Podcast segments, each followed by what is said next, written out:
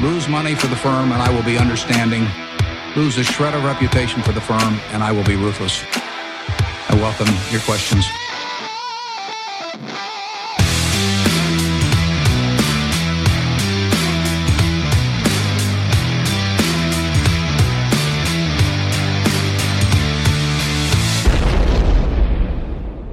Hej och hjärtligt välkomna till Kvalitetsaktiepodden. Det är jag som är Ola. Det är jag som är Marcus. Ja, och det är jag som är Klas. Eh, det här är avsnitt 106 som spelas in onsdag den 8 december och släpps i natt då eh, tidigt den 9 december. Mm. Ja, både jul och omikron står ju för dörren. Ja, Jag ser eh, stora potentiella likheter mellan de här båda företeelserna oj. och det jag tycker det finns tre helt uppenbara. Shoot. Ja, eh, de kan ju båda innebära en längre tids ledighet från jobbet. Mm. Båda innehåller ett rejält överraskningsmoment. Där det kan bli både hårda och mjuka klappar. och så slutligen så går ju börsen upp oavsett om det är tomtenissar eller små elaka virus som dansar omkring under julhelgerna. Det verkar så ja. Så verkar det vara. Mm. Eh, ja, eh, så same same där. Mm. Sen senast då så har jag förnyat mitt covidpass. Jag med. Hela den processen gick på under 30 sekunder. Mm. Det, är, det är sjukt. Eh, brilliant. Ja, jag har även varit på ett mycket delikat julbord med vårt lilla företag. Jag med. Jag också faktiskt. Maten var god, sällskapet sådär. Hur hade ni det på ert företagsjulbord? Var det bra? Ja, det var kanonsällskap tycker jag. så Det jävla var bra. härligt för er. Ja. Alla har ju sitt sätt att se på det. ja. Ja, Nej, det var mycket trevligare än vanligt. Det är bara, har bara varit du och jag förut. Claes. jag undrar, undrar vad som var skillnaden. eh, whiskyn var fin. Mm, den hade ju inte jag med mig då utan Nej, det var Marcus. Marcus Så var då. det. Från huvudstaden hade med sig lite fin eh, Ja. eh, presentwhisky. Mm, den kan man se en bild på på våran Twitter om Just man är det. nyfiken. Ja. Vad det, vad det var för någonting. Nej, men det var trevligt. Mycket trevligt. Ja, Gott. Mm. mycket bra och vi hann med det innan det blev nya nedstängningar. Mm-mm. Och vi var under 100 pers också så vi slapp Definitivt. eh, covidpassen då. Sen var, har det ju varit svinkallt ett tag här. Mm. Men, men eh, ja, man har fått tvinga ut sin hundvalp Ja, i kylan. ja och, och, och trots det så hade du hellre sett att elen hade gått än bredbandet. Som var fallet nu då. Dessutom fem dagar utan bredband här. Ehm, mm, Sätter perspektiv. på saker och ting. Eh, min, min fru som inte är jättetroende kan jag säga skickade prisa Gud igår när vi fick tillbaks bredbandet. Så att eh, nej, det är viktigt i, i ett modernt hem. Ja. Mm. Eh, och, men då har du ändå hunden. Som kanske äntligen kunde få lite uppmärksamhet här nu då. Han brydde sig inte så mycket om just bredbandet. Ja. Nej, så är det. Nej, eh, Macke, det var julbord för hela slanten för dig. Absolut. Men sen är ju, jag har ju hållit mig inomhus då. Jag Ja. gillar ju verkligen inte vintern. I know. Det är ju, jag är ju värmemänniska liksom. Så att det här är ju tufft. Kan jag säga. Mm. Men, men eh, ja, grabben har fyllt år. Så vi gav honom en Nintendo Switch då. Eh, he, helt utan egenintresse. så vi har spelat lite grann på det. Ja, vad kul. Men, men då kommer jag att tänka på en god vän till Ola och mig. Hörde av sig för några år sedan och sa att eh, fan nu är det kris. Jag, jag har fått stryka barnen i tv-spelet. Jaha, eh, sa vi. Ja, det var, ju, det var ju synd, men alla kommer ju dit en gång en dag liksom. Eh, sen ringde han ett par år senare och sa nej, nu är det slutspelat. Jag tänker inte spela igen. Vadå, har du fått stryk? sa vi. Nej, jag vann. Ja, men det är väl bra då. Nej, men de kom efteråt och sa att de lät mig vinna för att de tyckte synd om mig. Då, det var liksom dropp nu. win! Nu får det vara nog alltså. Det var det sista. Så nu blir det ingen mer spela med barn. Nej. Liksom. Nej, Det är hårt. Det är hårt. ja, det är hårt. Då har vi alltså alla tre någon form av spelkonsol hemma nu då. Mm. Mm. Ja. Så det, nu är det bara att köra på. Då vet vi vad det blir under granen i år. Mm, Jo. Mm. Spel. Eh, ja, Mm. så är det. Eh, idag då? Så har det ju blivit dags, det här är en av årets höjdpunkter ändå, att eh, titta till eh, våra buy and hold- hold-portföljer Mm. och även föreslå en ny för året då. Ja. 10 bolag för byrålådan igen. Mm. Eh, och dessutom ska vi få höra, se om Marcus hissar eller dissar vertikaltransportören Alimak. Det blir en cliffhanger. Just det. Ja, det Lite koppling till affärsvärlden där då. Som Ja. gjorde en analys på Mm. Alimak. Eh, förmodligen kommer han inte han säga något särskilt bestämt, men affärsvärlden kanske har sagt något. Mm. Mm. Eh, eh, några som hissats rejält det senaste året. Mm. Det är ju Peter Håkan på Cavalier. Ja. Ja, och de är med oss som vanligt för det är vår huvudsponsor Cavalier AB. Eh, och eh, ja, jag sa ju precis att vi ska prata buy and hold idag. Och eh, ja, vi plockar ihop fram några bolag som man kan titta närmare på om Mm. man letar långsiktiga investeringar. Och innan man gör det så kan man ju fundera på några andra som har en riktigt långsiktig investeringshorisont. Med tät utvärdering och tillsyn Mm. där man själv inte behöver göra ett smack. Det är ju Cavaliers fonder. Och då särskilt. Quality fokus Mm. och eh, så har de ju investmentbolagfonden också. Japp. Mm. Och eh, det kommer man märka under eh, dagens buy and hold genomgång. Att eh, flera av bolagen vi tar upp återfinns i Cavaliers fonder. Mm. Och vill man eh, veta mer om eh, Cavalier så kan man titta till deras hemsida cavalier.se och varför inte spana in deras månadsbrev som finns för fonderna. Man kan ju även följa dem på Twitter där de går under @cavalier underscore AB. Ja. Lägger de ut eh, intressanta saker eh, kontinuerligt. Eh, när man gör allt det här ska man komma ihåg att historisk avkastning i fonder inte behöver vara en indikator på framtida avkastning och att ni kan förlora delar av ert satsade kapital då fonder kan både gå upp och ner i värde. Tack säger vi till vår huvudsponsor Cavalier AB.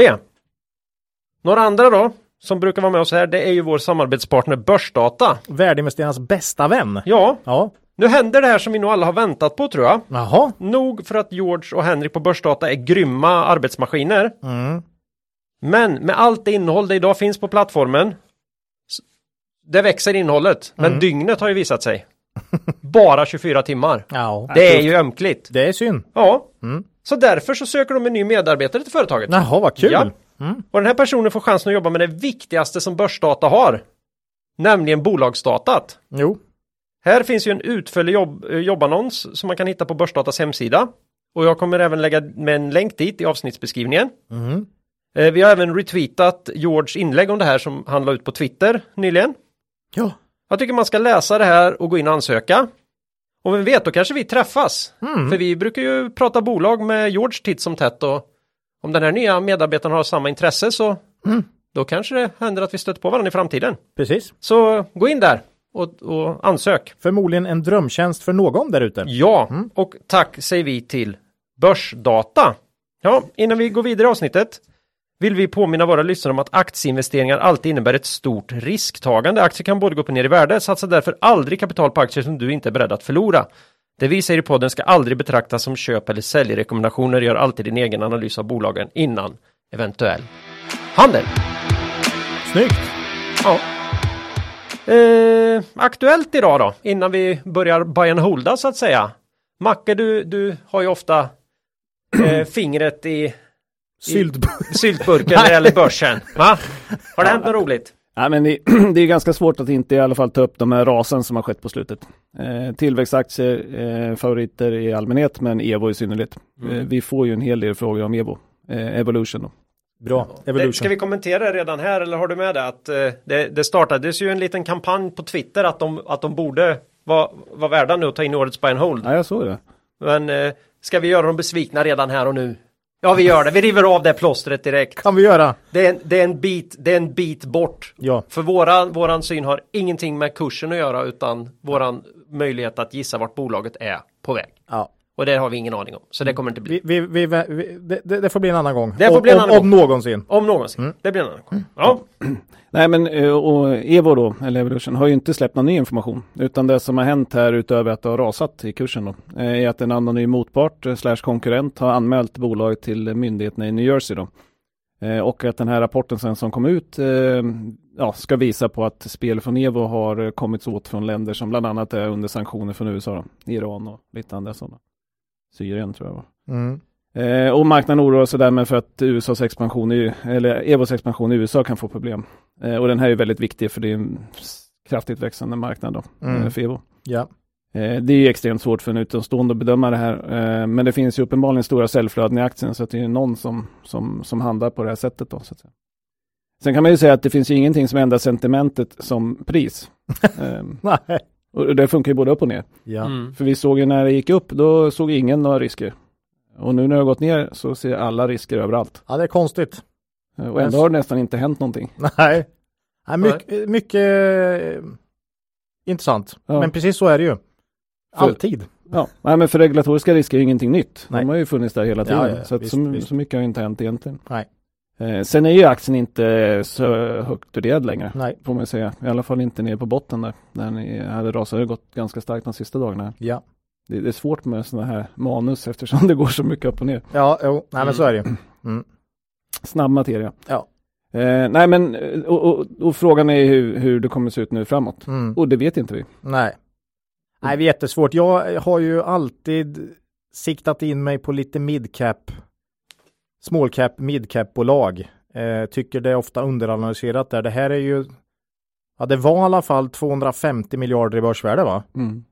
Nu vet jag inte vad det är men eh, eh, 250 miljarder i börsvärde och eh, ebit-marginal på 50-60 procent. Ja, Mm. nästan sagt. Ja, det är liksom, det är inget som lockar för mig. Dels har det gått upp så förbannat mycket och dels lockar den här lönsamheten om att man är lite monopolställning och det här är ingen monopolmarknad enligt mig. Mm. Utan det här är något som någon annan borde kunna göra för 20% ebit-marginal. Om någon kommer lyckas, det vet jag inte, men jag ser, jag ser mer risker än möjligheter. Mm. Eh, och det är därför jag eh, inte har eh, handlat Mm. i Evo så att säga. Pa, jag pa, trycker på den här avvak- fina Avvakta. knappen. avvakta-knappen. Mm. Eh, jag skulle aldrig gå kort, jag skulle aldrig köpa i dagsläget. Utan Mm. jag bara trycker på avvakta. Men man kan ju säga att det som har hänt nu i Evo är ju typexempel på vad vi har haft uppe många gång- gånger i podden. Belåna inte aktier och ha inte för stor del i varje aktie. Nej. Eh, båda är väldigt, väldigt trevlig uppgång.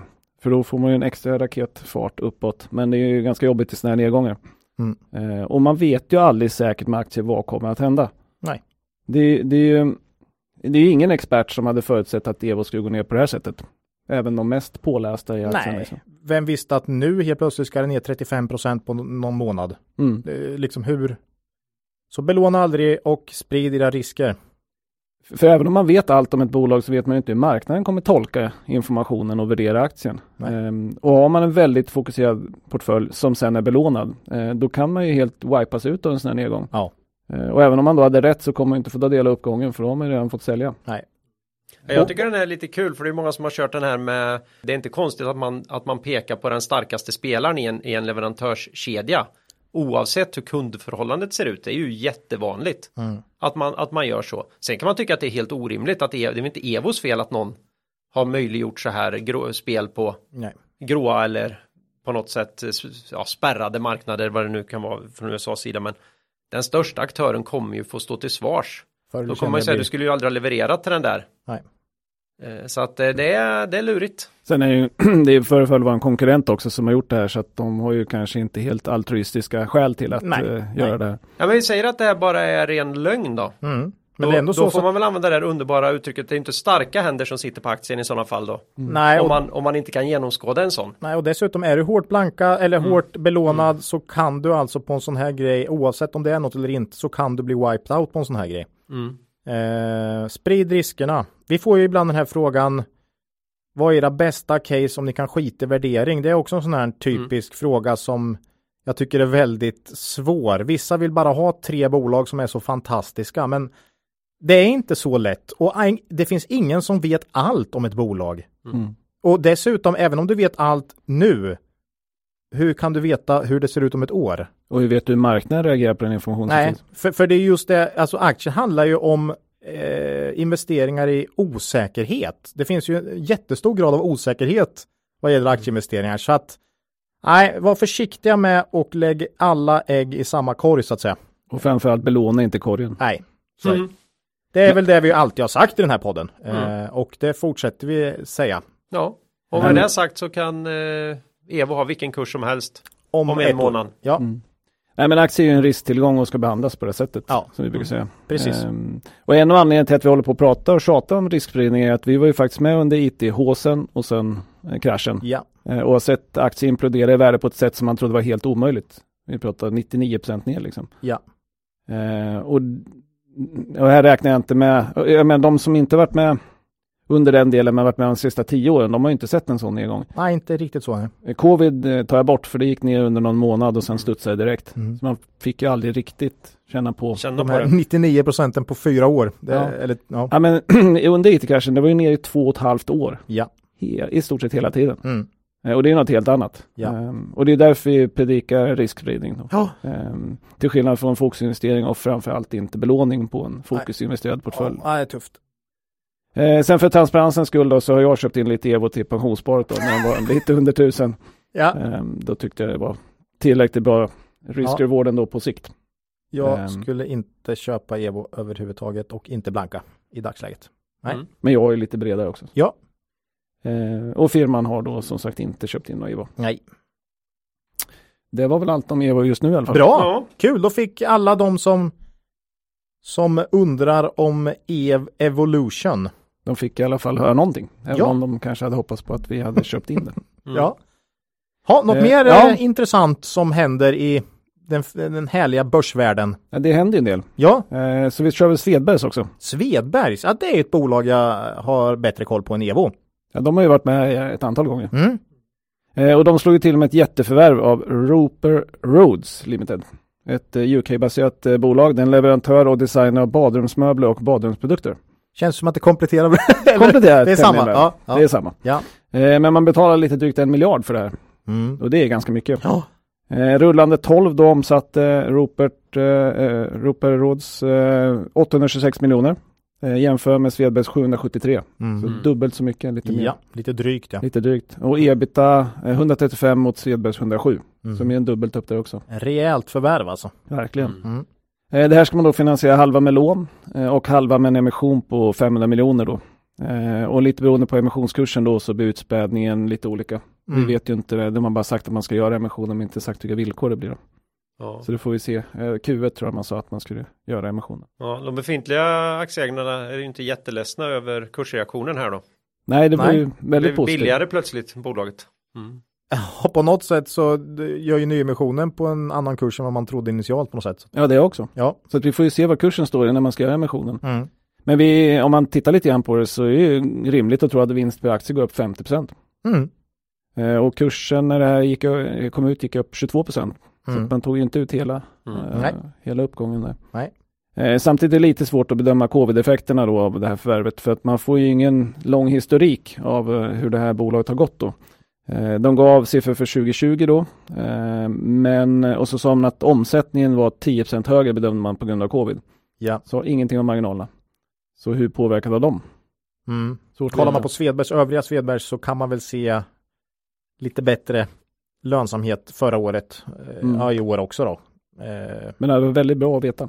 Ja, väldigt bra att veta, såklart. Mm. Men eh, vi tycker det är en väldigt in- intressant affär. ja, Eh, vi bevakar, vi var på väg att köpa men var lite för snåla. vi var lite för snåla. Som vanligt, lite för försiktiga. Mm. Mm. Men vi får se, vi kanske får en ny chans här när emissionen ska till. Då. Ja. Eller när nästa börsnedgång kommer. Ja, kanske kan komma en sån.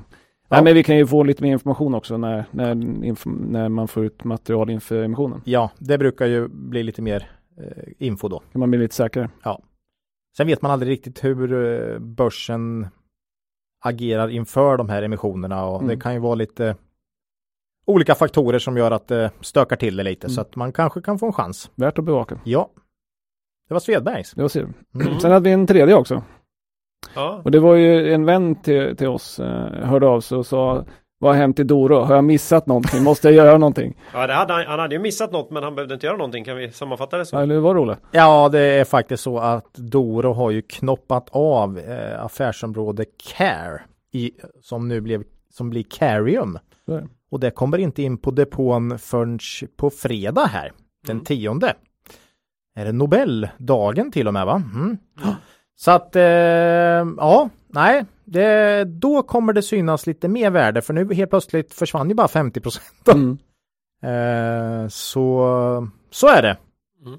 Vi har kvar Doro-aktier och vi väntar med spänning på de här Carium-aktierna som Mm. kommer in här på, Mm. på fredag. Den delen ute i cyberspace. Ja, någonstans. Och Någonstans. rullar runt. Det Ja. var väl så att Redeye spekulerar ungefär samma värde på de här två delarna? Va? Ja, så att precis ungefär samma värde hade de väl på båda delarna då. Mm. Eh, phones tjä- eh, större, högre omsättning och högre vinst, men Carium tro, tycker man ska värderas högre i förhållande till sin vinst då. Mm. Så att, ja, Vi får se på fredag helt enkelt. men eh, ta det lugnt. Det ska komma in mer eh, på depån på fredag då. Ja, Mm. så Så är att ingen sätter, sätter eh, Kaffet i när vrångstrupen. man går in på depån här. Nej. Bra Marcus. Så var det med det. Det här ställer ju till det lite för mig när det gäller and holden också. Vi har Ja. ju Doro med i and hold. Kanske Tre. lägga kursen det var innan splitten här. Ah, jag, Eller jag innan- bara chansade och gjorde det. Ja, gör det. det vi får. Det är Ja. nog close enough. Det, Ja. det är gjort Ola. Med tanke på att jag Det- sitter ju med, med siffrorna på ett papper här. Det, det är gjort. att ja, det är gjort. Ja, det är, bra. Ja, nej men det fick bli så. Ja. Så då vet ni det redan nu, slipper jag ta det sen. Härligt. Bra Yes. Bra. Jaha. Jaha, nu då? Ja. Ja nu, är, nu är man ju Nu är man ju riktigt laddad. spänd. Mm, spänd, vad, vad, vad har vi hittat på? Kan inte du börja med att liksom summera de gamla portföljerna nu eller? Jag hade tänkt eh, göra det lite grann här. Härligt. eh, bara för att, för att få reda för våra nya lyssnare. Ja. Och för de som hinner glömma bort det här mellan varven. Vi brukar ju köra det här då i december och sen någon gång under sommaren så tittar vi till någon slags halvårsgrej, vilket egentligen är konstigt för det vi sätter ihop är en likviktad portfölj som vi tänker oss ska kunna följa med en under 18 år. Det är långt. Från namngivningskalas till körkort. Om vi börjar med en liten bebis här. Ja. Mm. Mm. Eh, och vi återinvesterar alla eventuella utdelningar i samma bolag. Mm. Inte över hela de här tio utan i, bolaget får så att säga behålla sina egna utdelningar. Eh, och vi följer upp mot eh, OMX eh, GI. SGI Alltså inklusive utdelningar. utdelningar. Mm. Precis. Annars fuskar man lite. Ja, lite. Och för den tar också hänsyn till alla bolag och utdelningar. Mm. Mm. Eh, och eh, de här portföljerna då, den första presenterades den 14 december 2017. Oj, det är femte idag ju. Ja, Det är fantastiskt. och vi sa nog redan då att vi gör det här för att ja, man, vi ska kunna göra de här återblickarna och se den här typen av bolag som vi pratar om som är lite tråkiga och sådär. Kan det vara något att investera i? Mm, långsiktigt. Ja, lita inte på oss där vi sitter och säger här och nu utan med tiden här så hoppas vi att det ska kristallisera så att säga. Eh, men eh, börsen har ju också gått väldigt bra. Mm. Så att Under den här tiden. Sen ska vi Ja. säga också att just buy and hold som strategi är ju alltså att du köper och sen det enda du gör sen eh, under 18 år enligt oss är då att återinvestera de här pengarna du får i utdelning varje år. Eh, annars gör du ingenting. Så det är ju en väldigt tidseffektiv investeringsfilosofi. ja, Eh, och som bygger på att man träffar hyggligt rätt i just det här med kvalitetsbolag och bolag som över tid eh, kan röra sig åt rätt håll så att säga. Den långa utvecklingen. Den långa utvecklingen. Kvartal blir inte så viktigt alls här och värdering inte riktigt lika viktigt som om man eh, köper på något års sikt. Eh, Så att eh, ja, och vi har också sagt någon gång att vi Börsen över tid, det kan diskuteras beroende på vilken horisont man har, men brukar utvecklas mellan 7 till 10 procent ja, eh, per år och då kommer vi prata om något som heter CAGR. Compounded Annual Growth alltså. Eh, hur, hur förklarar man det här? Att det är ju tillväxten fördelat på antalet år som investeringen har funnits så att säga. genomsnittlig årlig avkastning då. Ja. Mm. Och eh, vi hade hoppats att de här skulle ge någonstans runt 15 procent över tid. Ja, det är ju, då, Mm. då ska man ju pricka bra bolag och du ska ju, ja, precis, Mm. så är det. Och vi räknar, räknar med att några ska plumpa rejält men några ska också bli riktigt, riktigt bra. Eh, ja, om vi tittar då hur har det gått här nu med and Hold 1 då? Ja, den eh, OMX SG är upp 98 procent På Fyra år. år, då. och Mm. det är en, eh, ja det är en dubblering på fyra år och det ger en sån här CAGR på 19 procent. Ja, det är ju mycket högre Och än börsen i snitt eh, Ja, och- över lång tid. Ja. Och mycket, ja, ja, och mycket bättre än de 15 procent som vi hoppades på för själva buy and hold-portföljen då. Mm. Portföljen har ju eh, gått bättre ändå, vilket vi är glada för och har avkastat 126 procent. Det är 22 procent CAGR. 22 procent KAG. Ja, och eh, då var det ju så här att Swedol var ju med i den här och den var med i några andra portföljer med, men just i, för ettan här så sa jag att vi borde inte ta och fördela ut när eh, Swedol köptes ju ut då från börsen. Och då har vi egentligen som eh, lösning att då fördelar vi ut den eh, över de andra bolagen. Just det. Mm. Har vi inte bara åtta kvar i den, eller hur? Jo, Jo. eh, Akando är också borta. Ja. Men när Swedol köptes ut, det gjorde för ont. Och Swedol köptes ju upp av ett annat börsbolag, Momentum. Så Ja. jag gjorde ju omedelbart en alternativ eh, portfölj där vi köpte Momentum istället. Mm. Och den rackaren har ju, har ju gått upp 141 procent. Bättre momentum i den alltså. Ja. Så att vi är 28 respektive ja, 41 procent bättre då ungefär än eh, jämförelseindex 41 hittills. procent. Ja, Mm. ja, gött. Vad har vi då för bolag här? Där kan man gå in, alla bolagen kan ni gå in och titta på Hemsidan på va? hemsidan där vi har våra hold-portföljer. Men starkast lysande stjärnan är BTS. Mm. som gått upp 360 procent sen starten av den här portföljen. Det är ganska bra. Eh, andra starka kort här som inte köps ut är Systemair, Mm. 193 procent. Nederman 180 procent. Mm. Sen här har vi ju eh, ett riktigt sorgebarn också då i den första. Ja, det är väl enda som är på minus i Ja, alla av portföljer. alla vi kommer prata om här nu så är det bara ett enda bolag som är Det var du Claes också ute och flagga för tidigt att nej, Då här hade- vi velat sälja om vi hade fått ja, inom ett halvår. Ja, så att här var du tidigt ute. Jag, jag trodde du skulle säga att det var du som valde just den här. Nej, Nej, det var, inte, det var jag. Det var jag. Ja. Nej, de, blev, de blev lite något annat. Ja, de Eh, gjorde, ett, de gjorde ett förvärv som fullständigt skrämde livet ur oss och det Ja. visar ju sig också att det var en flagg, det- de flaggade för att vi tror inte på våran nuvarande affärsidé här. Nej, och det är lite det här, även om ett bolag ser väldigt bra man kan ju, vad fan, vad som helst kan hända. Mm. Fan, säg att Evolution skulle göra något jätteförvärv. Ja, då är det helt plötsligt något annat. Mm. Så ja, man får vara försiktig. Ja, de har halverat kursen ungefär sedan starten här, IAR. Mm. Och eh, andra som inte har gått sådär superbra är Phoenix Outdoor och AQ. De har gjort 31 respektive 36 pa- procent Plus. på fyra år. Ja. Mm. Mm. Sen har vi då den andra hold-portföljen. Den kom den 13 december 18. Mm. Mm. Då är jämförelseindex upp 99 procent. Ja, det är ju Så det är alltså- starkt alltså. Gått ännu bättre. Det var en ganska stor svacka där. Ja. Slutet på. Just det.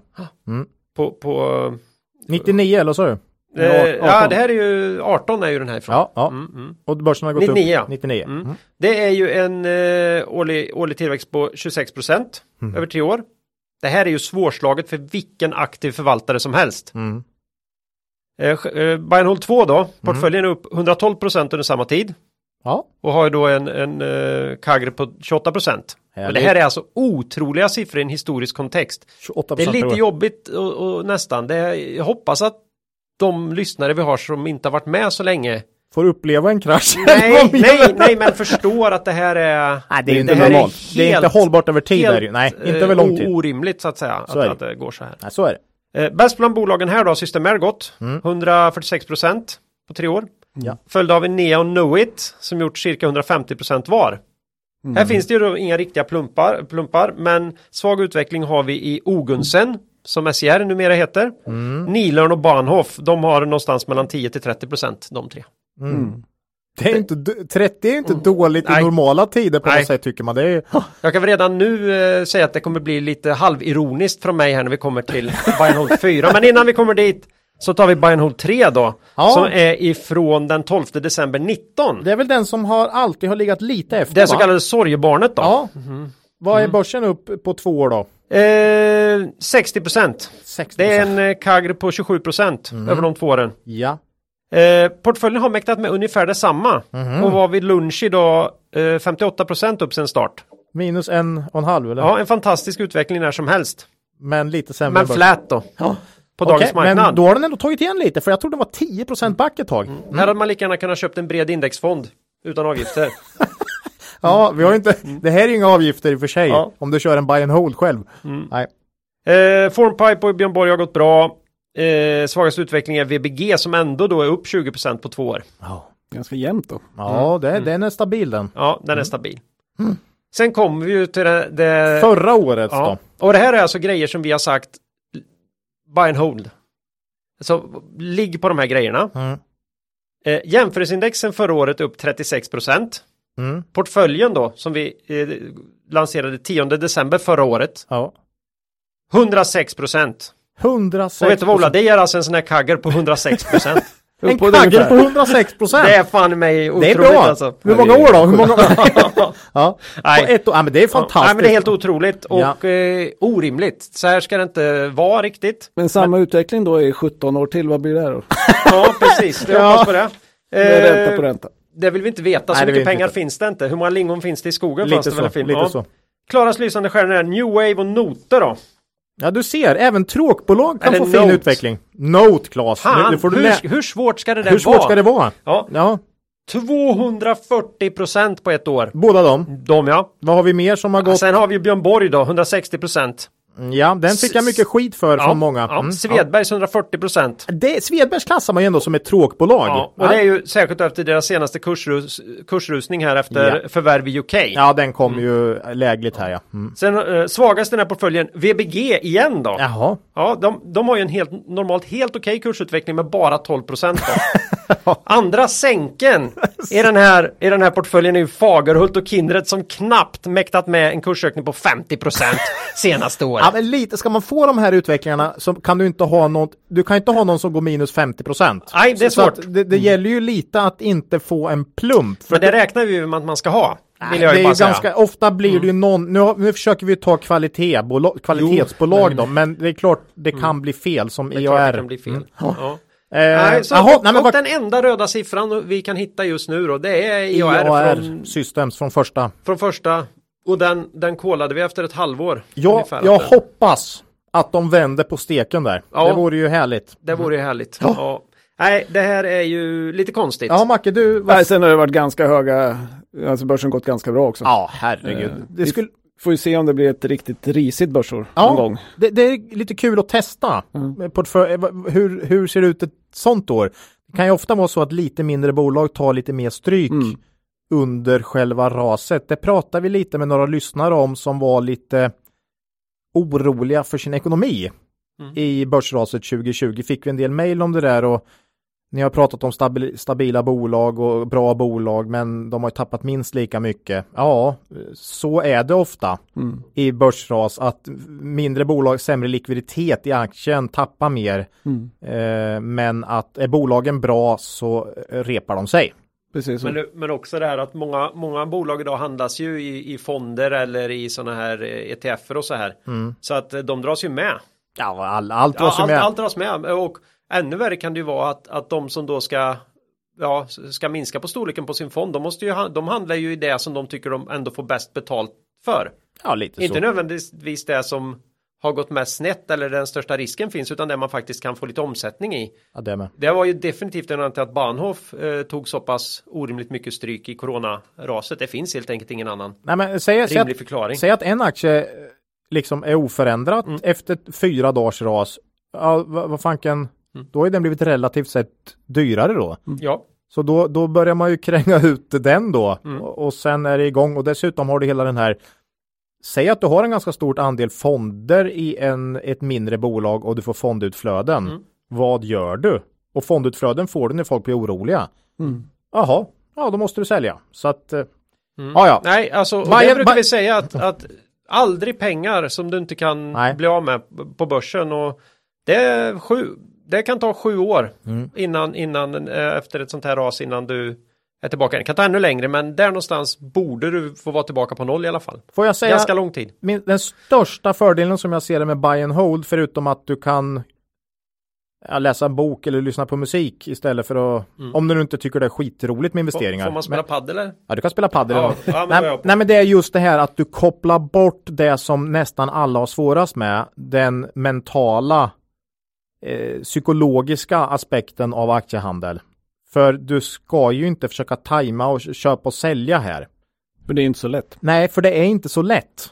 Eh, så kopplar du bort den aspekten och bara köper bo- bra bolag och sen inte säljer, ja då har du tagit bort mycket av den här oj, jag måste sälja eh, för det ser så jävligt ut Mm. som många har så svårt med. Eh, så att eh, ja, det här är en bra strategi för väldigt många och eh, det är väl därför vi just gör ett sånt här exempel en gång om året. Mm. Och kom ihåg att vi har ju inte den här strategin, för den får vi relativt ofta. Eh, fick från någon lyssnare för inte så länge sedan som har lyssnat väldigt mycket på podden, Mm. som sent om sidor kom fram, insåg att nej just det, ni har ju inte alls den filosofin när, när ni handlar i ert bolag.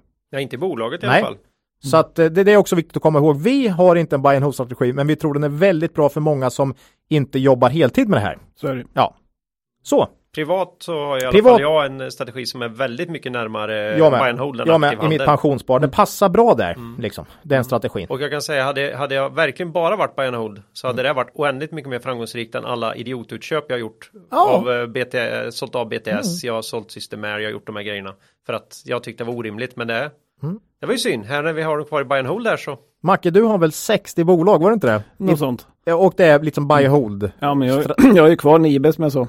Jaha. Det hade jag inte haft om jag Nej. liksom funderat över värdering varje Nej. månad. Sen är det ju då också att man häng, åker med ner i bolags i tillfälliga svackor. Men i snitt en bred buy and hold portfölj brukar gå bra. Åtminstone bättre än index. Om det är kvalitetsbolag. Sen är väl liksom, händer det någonting riktigt dåligt i bolaget, då får man ju ta sig en funderare. Ja. IR-exemplet till exempel. Ja. Ehm, men det finns andra exempel också. Mm. Men så länge det traktar på så kan man låta dem ligga. Ja. Mm. Ett, ett lite sämre år är okej om det bara är lite sämre. Men om det händer något eh, riktigt illa. Då, Ja. då ska man nog ta sig en funderare då. Mm. Och, det, och det är ju liksom också skillnad på nedgång på marknaden och nedgång som är specifikt för att bolaget tittar på något dumt eller det går verkligen sämre för bolaget. Ja. Ehm, så att, Så är det. Mm. Eh, ja, Ja. Nej, men vad, vad säger vi? Är det, Ja, det är väl Ja, men dags. Då, då är det dags att dra igång årets julklapp. Ja. Eh, och eh, vi börjar, eh, tio bolag kommer det bli. Vi delar lite på dem, jag har inte riktigt koll på vem som har vad så ni får hugga när det är era bolag. Huggsexa. Huggsexa. Vi Mm. börjar med AQ. De återfinns ju också då i eh, Cavalier Quality Focus Mm. och i Cavaliers investmentbolagsfond. För det här är ju lite av ett konglomerat idag. Mm. Det här är en högspecialiserad underleverantör till diverse eh, industrisegment. Från Västerås var med senast i avsnitt 103 av podden. Ja, dessutom är i buy and hold eh, portfölj då 1, 2, 3. Mm. Men inte förra året. Du menar den som gått så fruktansvärt bra? Ja. ja. nej, men jag tror AK har gått ganska, men, men visst, inte riktigt så bra. Nej. Men, men eh, nej, men vi försöker rumstrera om lite och det här är ju liksom bara för att ett bolag som har varit med inte med så är det ju också det här att vi försöker ju visa på lite olika. Ja. Det finns ju mängder med bra bolag där ute. Lite tråkigt om det är exakt samma. Ja, lite tråkigt, men vi försöker ta med några kanske om vi tycker liksom det finns bra driv fortsatt och det känns bra ingångsvärden. Och sen tar vi med några nya och sen kanske några gamla gör comeback och lite sådär. Så att eh, AQ är ett sånt, ett gammalt som gör comeback då. Mm. Eh, och det finns ju många fina industribolag på midcap. Det har vi ju pratat om många gånger. I år har vi faktiskt tre industri midcap-bolag. Mm. Två i Sverige och ett i Finland. Mm. AQ först ut av de här då. Eh, Det här är ett bolag som som sagt har varit med tre gånger. Eh, omsättningen har historiskt ökat med cirka 10% per år. Vinsten med mer än så. Så bra historik här. Man har en stor bredd på kunder. Många olika branscher. Dessutom har ju faktiskt en relativt stor koppling till elektrifiering. Som många egentligen inte tänker så mycket på tycker jag. Och elektrifiering är ju i högsta grad i ropet då. Eh, man har historiskt visat sig vara väldigt bra på förvärv. Viktig egenskap tycker vi. För det här är en vikt, väldigt viktig och stor del av AQs framgångssaga då historiskt. Senaste köpet gjorde man nu i somras, en division man köpte från Schaffner Group. Eh, och det ökade cirka 10 eh, på omsättningen. Och man brukar göra den typen av förvärv ungefär, inte massa små Eh, utan ett förvärv per år i snitt som ökar 10% ungefär i snitt. Så att den typen av förvärv, om man gör det bra. Ehm, jag tycker att genom ett, eh, liksom ett köp i AQ så får man en kvalitativ exponering mot många intressanta kundsegment runt om i hela världen. Så att vi pratar ju ibland om det här, ja, men varför ska man bara investera i Sverige? Ja, men AQ är ett spel på ett globalt spel på mängder av olika branscher. Gå in och kolla AQs kundlista på deras hemsida så eh, känner man sig trygg skulle jag säga. Eh, I närtid har vi dock väldigt svårt att se någon vinsttillväxt här. Eh, det kanske kommer i fler bolag här. Det här är en investering på lång sikt, men vi har lite svårt att se vinsttillväxt, framförallt i Q4 här som var ett monster lönsamhetskvartal förra året då. Eh, trots förvärv här så uppskattar vi samma vinst för 2022 som man har rullande bakåt nu. Så ingen vinstökning under 2022 direkt. Men på den vinsten så är det P14 och det är, är lite för lågt tycker vi baserat på den fina historiken och möjligheter till tillväxt. Man har ett börsvärde på 5 miljarder här så man ligger på mitt, mitt i midcap. Ehm, ja, lite för lågt. kontra tillväxten och många bolag med den tillväxten värderas betydligt eh, högre då. Mm. Så vi det- tror att de kommer fortsätta under, takta på på samma sätt under lång tid. under lång tid. Ja, så Dock, att, dock lite varning för, för nästa rapport i och med att man var ganska tydlig med att man hade en hel del leveransproblem Ja. i Q3. AQ, både Q4 och Q1 ser lite tuffa ut som jag känner. Men eh, kursen, väl- kursen har också taktat ner under ganska lång tid. Så på, på 18 år känns det som ett rimligt läge ändå tycker jag. Mm. Du kommer ju eh, summera portföljen lite grann. Ja. Är det klara här, Ja. årets buy and hold. Och Då, Ja. Så vi kan väl säga nu redan att eh, ja, det, det, det, det, är inte, det är inte fullt så eh, vad ska vi säga, eh, lätt på kort sikt som vi kanske tyckte att det var förra året. Nej, Eventuellt såg så pass, utan det här är, det här är en lång portfölj. Ja, men det var ju mycket som var billigare. Mm. Vi, vi hade P12 i snitt förra året på den portföljen. Mm. Bara så ni vet, det kommer bli lite högre i år. Ja. Ja, Det var AQ. Ja. Vi ångar vidare med Bahnhof. Det här, den finns också hos Cavalier i Quality Focus. Eh, Bahnhof är vårt favoritbredbandsbolag eh, som ständigt återkommer i våra buy and hold. Eh, och i podden var den med senast i förra avsnittet.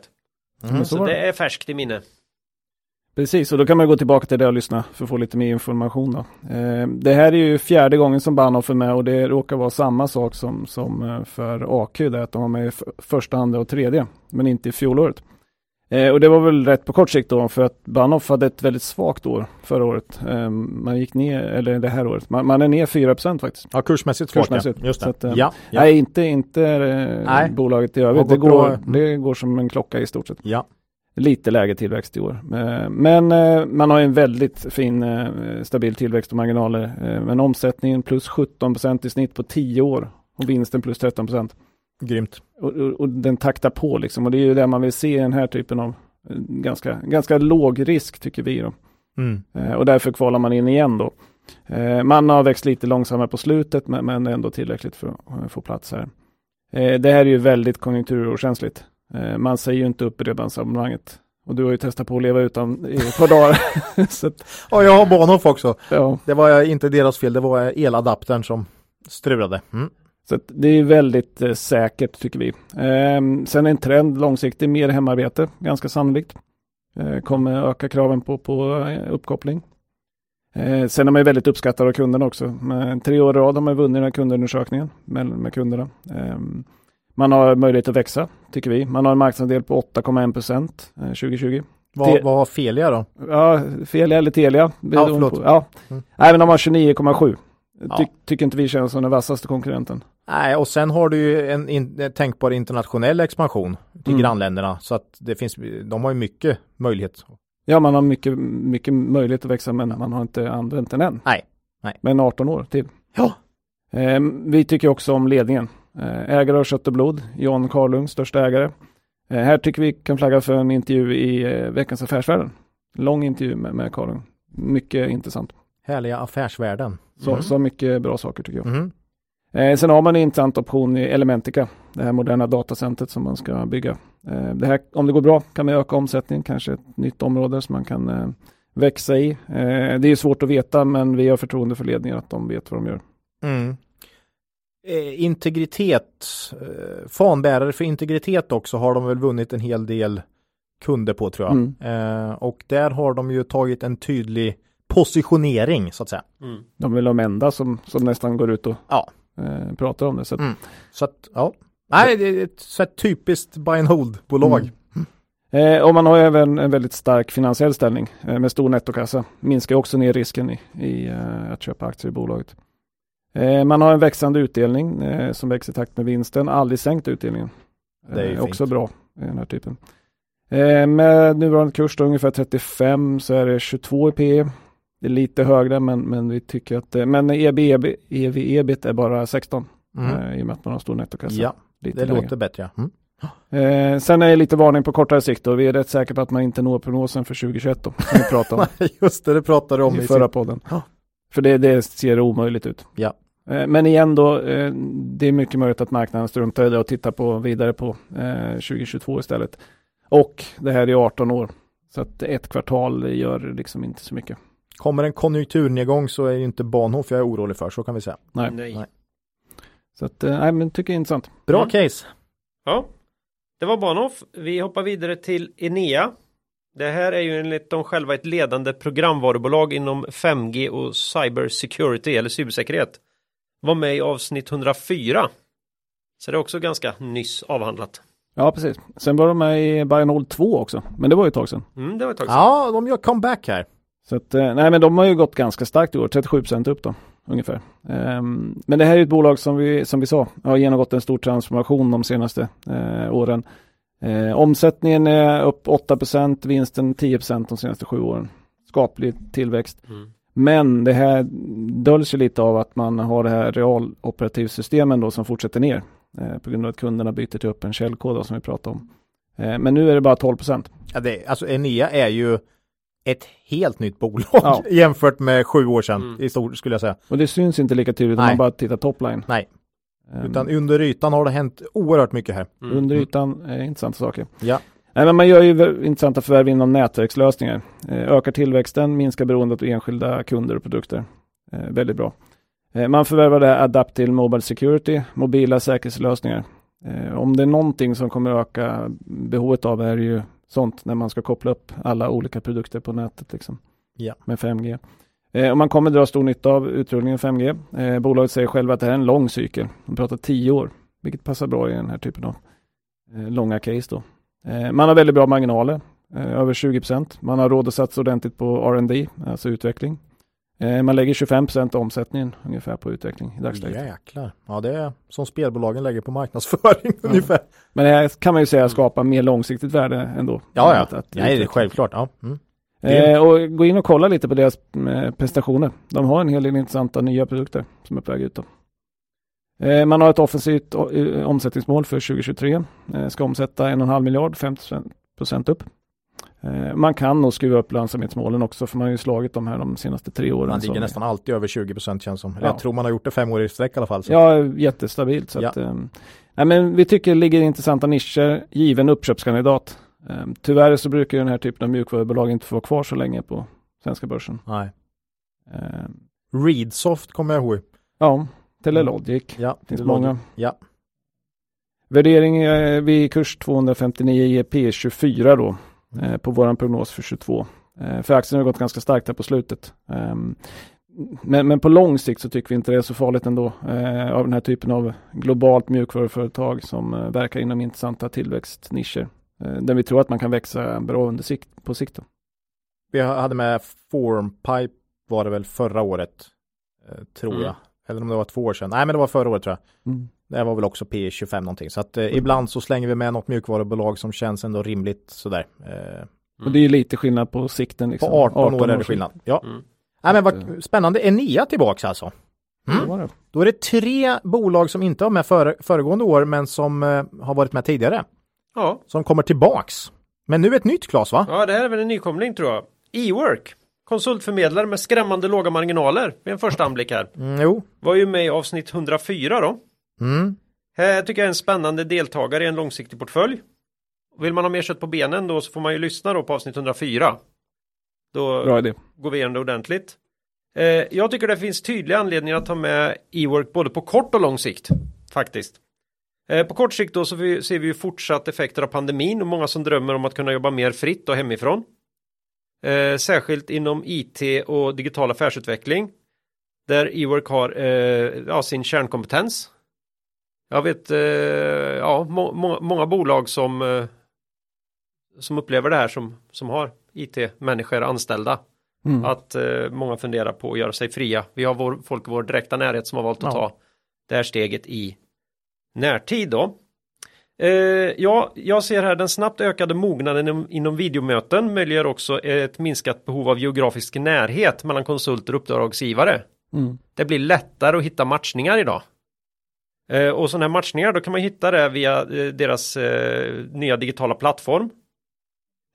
Och som, som eWork har. Som ju heter Verema. Verama va? Verama. Jag har missat att skriva upp det här Mm. för jag tänkte att det kan jag ju aldrig glömma bort vad den heter. Verama heter den Ola. Verama Tack. tror jag. Ja. Ja, det är, ett, det är ju ett modernt sätt att matcha konsulter och uppdrag- uppdragsgivare. Mm. Så digitaliseringen spelar liksom e-work i händerna i alla delar. Mm. Det underlättar den här typen av eh, tjänster, konsulttjänster. Man kan få nyttja si, nya moderna sätt att hitta matchningar. Och sen så behöver ju kunderna hjälp med digitalisering inom alla möjliga områden som, Mm. som de här kundbolagen eh, ja, håller på inom. Kan ju vara vad som helst. Kan ju vara myndigheter och vanliga affärsdrivande verksamheter och vad som helst då. Eh, och jag tror att det finns obegränsat med jobb att göra under många år framöver. Eh, så vi tror att egenanställda konsulter som jobbar via förmedlare är en framtidsbransch då, särskilt inom IT och digital affärsutveckling. Precis det som eWork inte av en slump har riktat in sig på då. Och eh, det här med marginalerna. Tänkte bara ta, de ljuger lite eWork. Gör de? Ja, de skär ju emellan va, men måste ju visa upp hela affären. Ja. Och det här går vi igenom i avsnitt 92. 11 minuter in i det avsnittet. Snyggt Claes. Värt att lyssna på. Det kan man ju lyssna på då. Mm. För är man intresserad av det här bolaget så bör man lyssna på det. Så slipper man, eller ja, man kan ju sätta sig och göra sitt eget jobb precis som vi säger, men den delen kan man få lite hjälp Mm. med då. Ja, nej, det är väl ändå att säga om eWork. Jag tror att de sitter helt rätt. Men det kan ta några år innan Just det verkligen tar e-work fart. och Bahnhof känns som en bra kombo. Jobba hemma, i bredband. Ja, ja. ja. Nej, men- så att, eh, synergi. Synergi. Mm. synergi. Ja, Så, Ja, bra. och, Ja, inte, och, inte, och inte jättedyrt. Nej. Så det var e-work. Mm. Mm. Eh, Nu är det något helt annat va? Ja, Invido. Mm. Fönster Finns- och dörrar. Japp, är ju med i Cavalier Quality Focus. Det här är första klassiga fönster och dörrar för alla klimat. Var med i avsnitt 103. Precis. Nej, de, de var också med i Bayern Hold 4. Eh, inte innan dess då. Eh, och gick upp, har gått upp ungefär 39 i år. Så det har gått ganska starkt får man säga. Eh, nej men fönster och dörrar eh, under många varumärken. Elitfönster är väl kanske mest känt i Sverige. Eh, men de har väldigt många olika varumärken i de olika länderna som de är med i. Mm. Eh, öka omsättning 6% per år de senaste sju åren men ökat vinsten med nästan 21 Så Man har klart förbättrade marginaler på slutet där. Ja. Eh, man har ju långsiktiga drivkrafter i satsning på hållbarhet.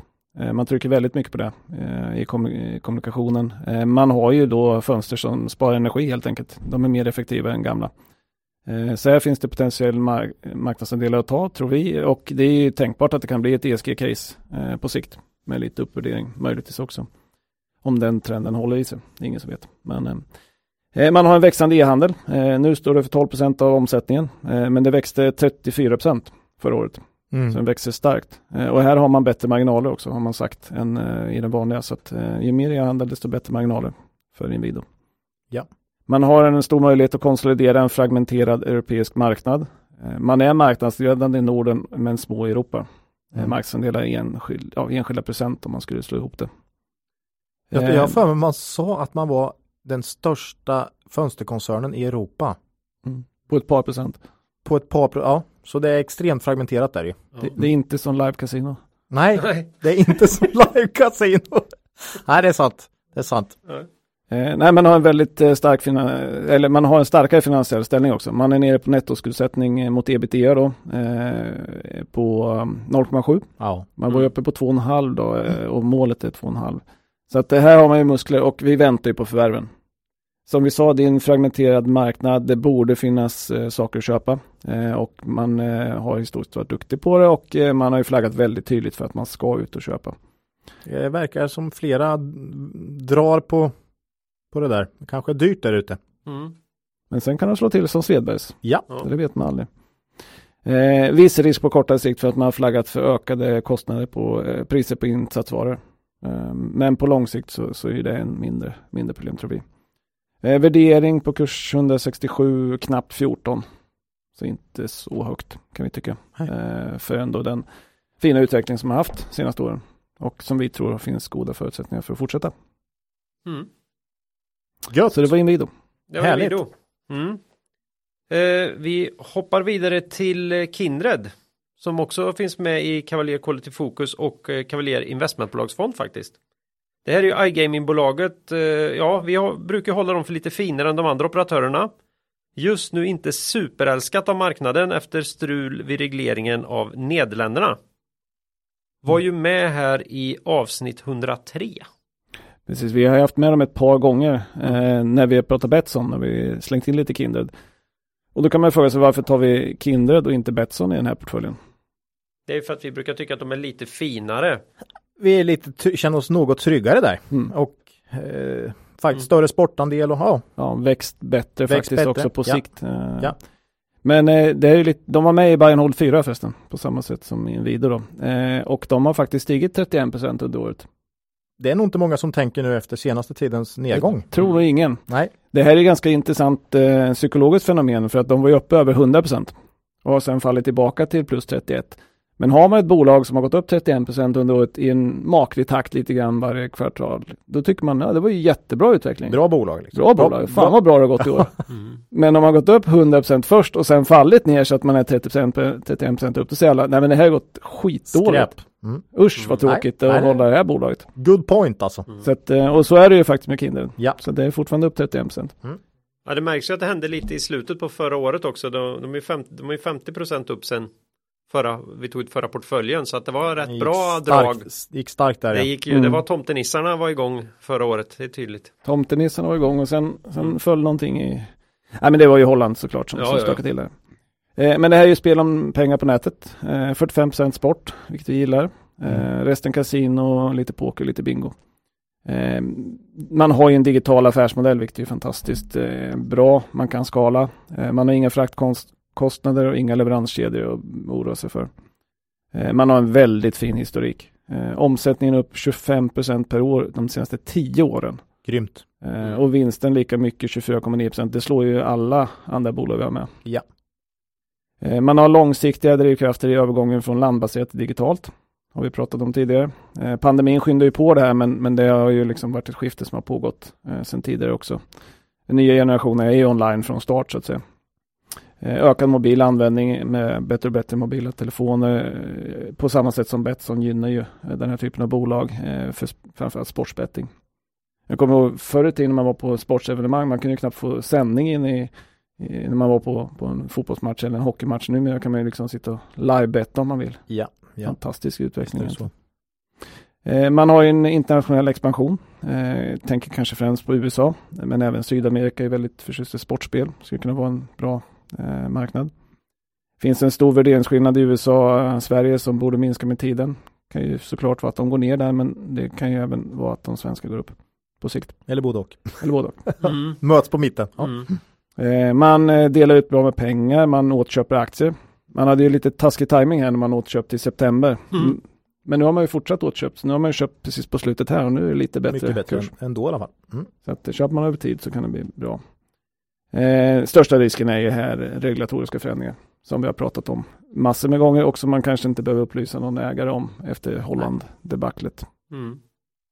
Men det vi tror är att det här är 18 år. Man kan hantera det på sikt. Och man har ju hanterat Sverige till exempel och kommit igenom det och det blir bra på sikt. Så att vi tror ju att det här blir bra på sikt.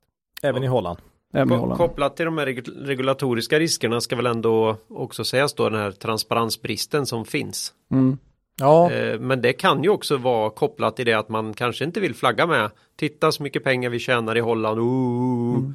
Det är ju som att hålla en röd eh, flagga framför vissa politiker Mm. där. Så jag tror Ja. att man aktivt låter bli och, ja så är det och berätta för att inte provocera också. Så att eh, det finns nog. Den där, den där sidorna kan nog nästan vara samma sida på myntet om man funderar en stund. Nej, så är det absolut. Men, men det, vi gillar ju inte det. Vi vill ju Nej, att det är jättejobbigt. Det är Mm. jättejobbigt.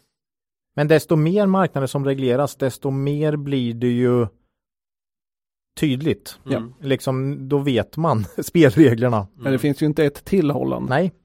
Men däremot så kan de bli stora i något nytt, Mexiko, Mm. som sen. Så Mm, ma- ma- ja. men, men, men för varje land som regleras och som man fortfarande är en stor del av så blir det ju mer eh, i ljus, i ljuset så att säga. Mm. Vi, vi tycker ju bara på lång sikt så kan det vara en risk som är att ta. Ja, Och just i det här Eh, fallet ska vi vara väldigt tydliga med att eh, Kindred är inte någon stor del av den holländska spelbranschen just nu för de inte, får inte vara där alls. nej, För det var ju Mm. det som var så extremt i det här fallet. ja, Och, och det syns ju ganska tydligt om man tittar på eh, rullande 12 då, vinst per aktie 16 kronor.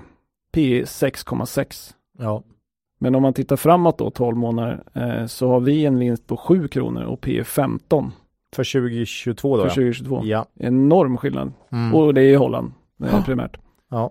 Eh, så att, men, men förhoppningen är att man kommer tillbaka på sikt här. Eh, kan bli tufft i början men eh, det här är 18 år då. Kambi, tufft. Kambi, ja, snyggt. Ja, det var ju bra. Jag tyckte det, ja det var kul. Ja. Det var inte meningen. Nej, men det var snyggt. Kambi, tufft. Hade det varit eh, Claes som sagt det så hade det varit meningen. Badam, bam, psh. Ja, ja. Det är han som är kungen på, Mm. på sådana. Ordvitsar. Och ha tur med sådana. Mm. Eh, nej men sen är ju en uppköpskandidat såklart. Särskilt om kursen ligger kvar här. Eh, jag tror personligen inte att man kommer vara kvar på börsen om 18 år. Nej, det är väl antingen konkurs eller upp... Nej, jag vet Nej, inte. men. Men eh, de, är säkert inte upp, de är säkert uppköpta. Det känns så. Någon kan ju köpa upp dem. Nej men vi, vi tror att, eh, men det får man ju säga här, de närmsta tre kvartalen minst kommer ju inte vara något kul. Nej. Så att det ska man ju vara medveten om. Men, men om man, på 18 år så. Generellt, jag ska ju kommentera portföljen i sin helhet, men det kanske är lika bra att ta det lite nu. Eh, vi är ju lite oroligare på kort sikt än vad vi brukar vara och det är för att väldigt många bolag har gått väldigt, eller aktier har gått väldigt, väldigt starkt. Mm. Eh, och dessutom är det lite grumligare utsikter för vinsttillväxt tycker vi i många bolag för kommande kvartal. Så tajmingen i årets buy and hold portfölj är lite knepig. Tycker vi. Klart, klart så, sämre än 18 kan man ja, säga. så kan vi säga. Så att, men så är det. Mm. Mm. Och så här också då. Får Ja. vi se. Men marknaden kanske har tagit ut det mesta. Det får man ju hoppas då. Mm. Mm.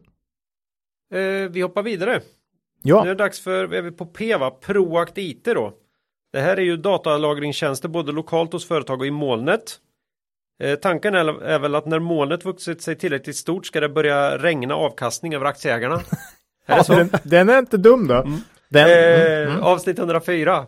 Ja, den var ju bland, bland de bättre Claes får jag säga. Tack, Eh, det här är ju ett IT-bolag med verksamheter i, verksamhet i stora delar av Europa får man säga. Mm. Eh, och här är ju specialiserade som du sa då, molnbaserade lösningar och datalagring av affärskritisk information. Mm. Eh, Proact har ökat omsättningen med i snitt 7% per år senaste sju åren. Vinsterna har ökat med 12% per år i snitt. Eh, det är ju inte en slump att vi har med mycket IT här i den här portföljen. Det är ju för att de ligger, det ligger ofta rätt i, i de långa trenderna så att säga. Eh, det här har du ju digitaliseringen såklart och att ta kontroll över sin egen data är ju något som vi känner är en någon form av trend. Mm. Eh, långsiktig trend då Mm. och här ligger ju Proact väldigt väldigt bra till. Ja, även, även eh, säkerheten, alla, Ja. alla dessa ransomware Ja. Attacker där Mm, eh, bovar lyckas ta sig in och Mm. kidnappa hela hela dataverksamheten och kanske hela, hela företagets verksamhet när Ja. man är beroende av sina datasystem med den dagliga driften. Det är ju förjävligt. Alltså Proact ligger ju väldigt bra till här. Mm. Eh, även Enia pratar vi om och sådär. Så att eh, det är inte en slump att vi har med några sådana här bolag i en 18 års portfölj. Det är för att det känns som bra trender då. Mm. Eh, Proact har dessutom då en målsättning att öka omsättningen med minst 10% per år inklusive förvärv och förvärv kommer med ganska bra kontinuitet. Mm. Eh, lönsamheten ska upp en hel del enligt de här målen och det är lite som du sa Claes, det här med att det regnar från molnet va. Mm. De förvärv man gör och det man satsar på är ofta tjänster och mål nu som har bättre lönsamhet. Så det är därifrån den här lönsamhetsförbättringen ska komma i Proact över tid. Eh, men så att I Proact ser vi en möjlighet till 10% omsättningstillväxt med lönsamhetsförbättringar och då brukar det bli bra för kursen på sikt. Det senaste förvärvet hade väl också bättre marginaler? Ja, precis. Eh, och det är mer tjänster så att Mm. det är liksom det finns en, en, en röd tråd här tycker jag. Eh, vi har 6 kronor i vinst per aktie såg jag för 2022 och då är det P15. Eh, Proact har, ja, nej, vi tycker det är relativt intressant och lågt för ett bolag med, med den här inriktningen då Mm. eh, faktiskt.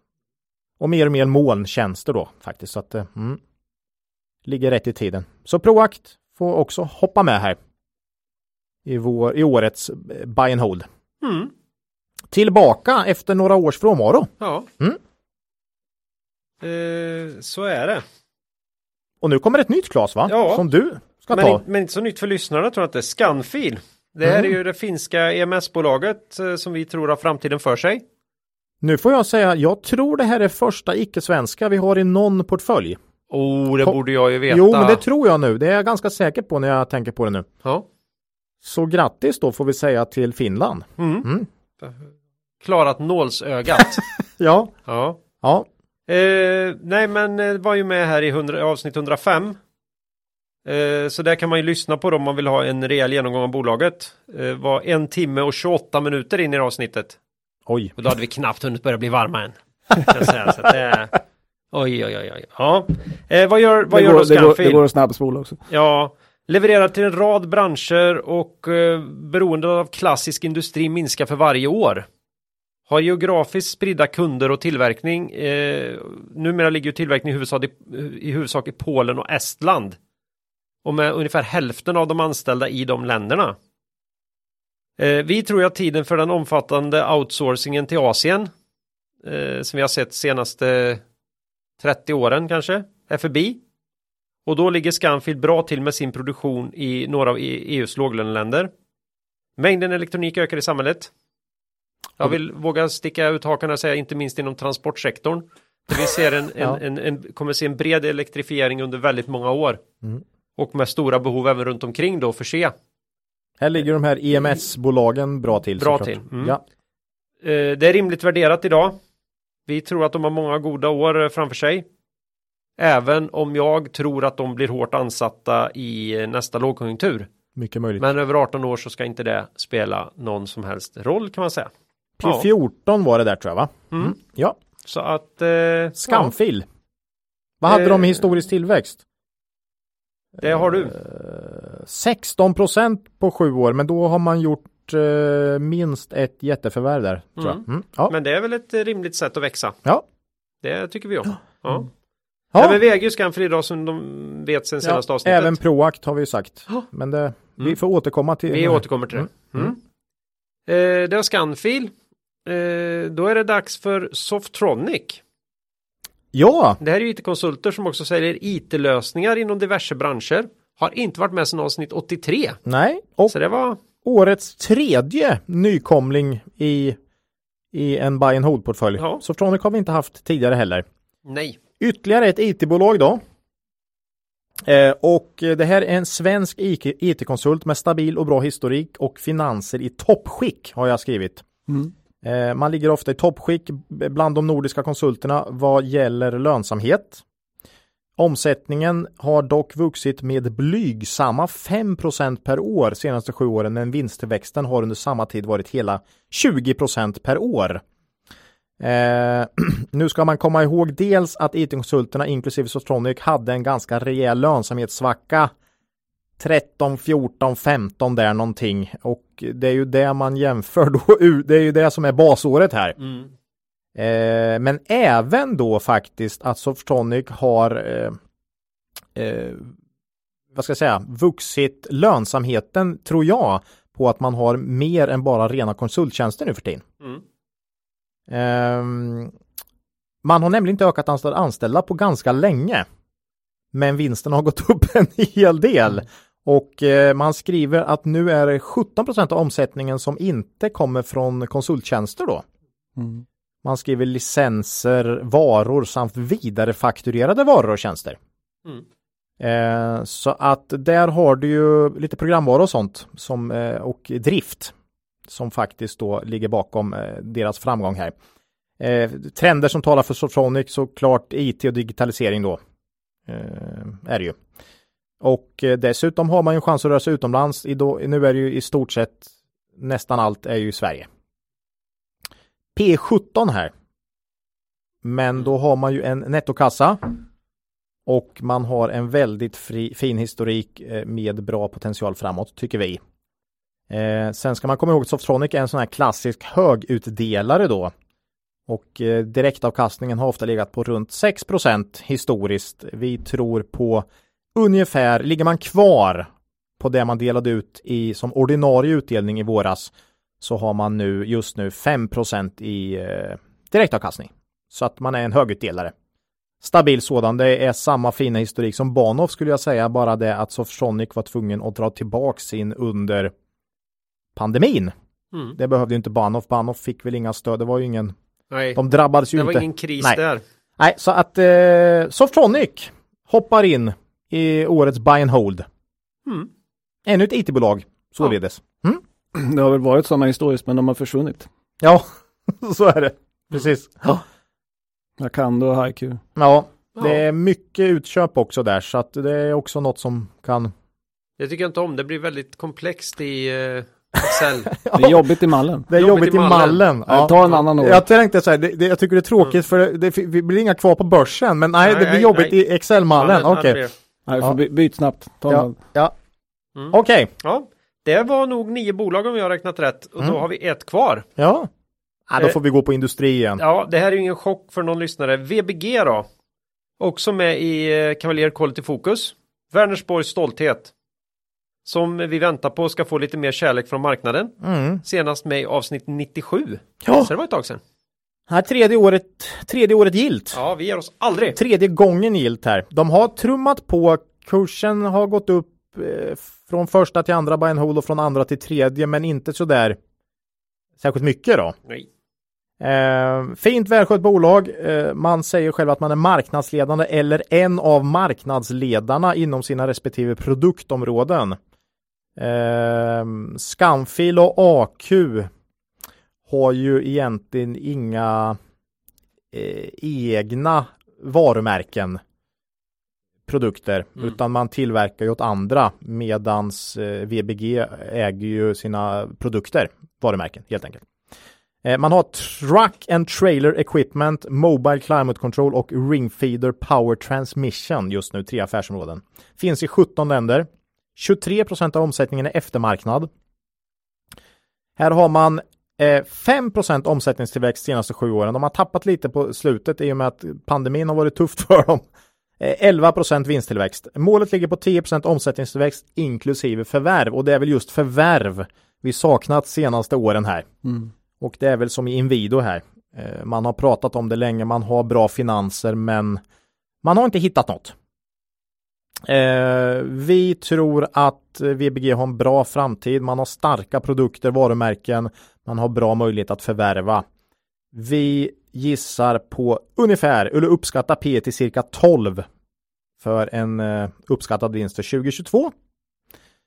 Ja, Mm där har du årets sista bolag i Buy and Hold. Ja, Mm. och därmed är den komplett då. Ett förslag på ett bolag till en 18-årsportfölj. Ska jag försöka göra en summering då? Det skulle verkligen uppskattas. Mm.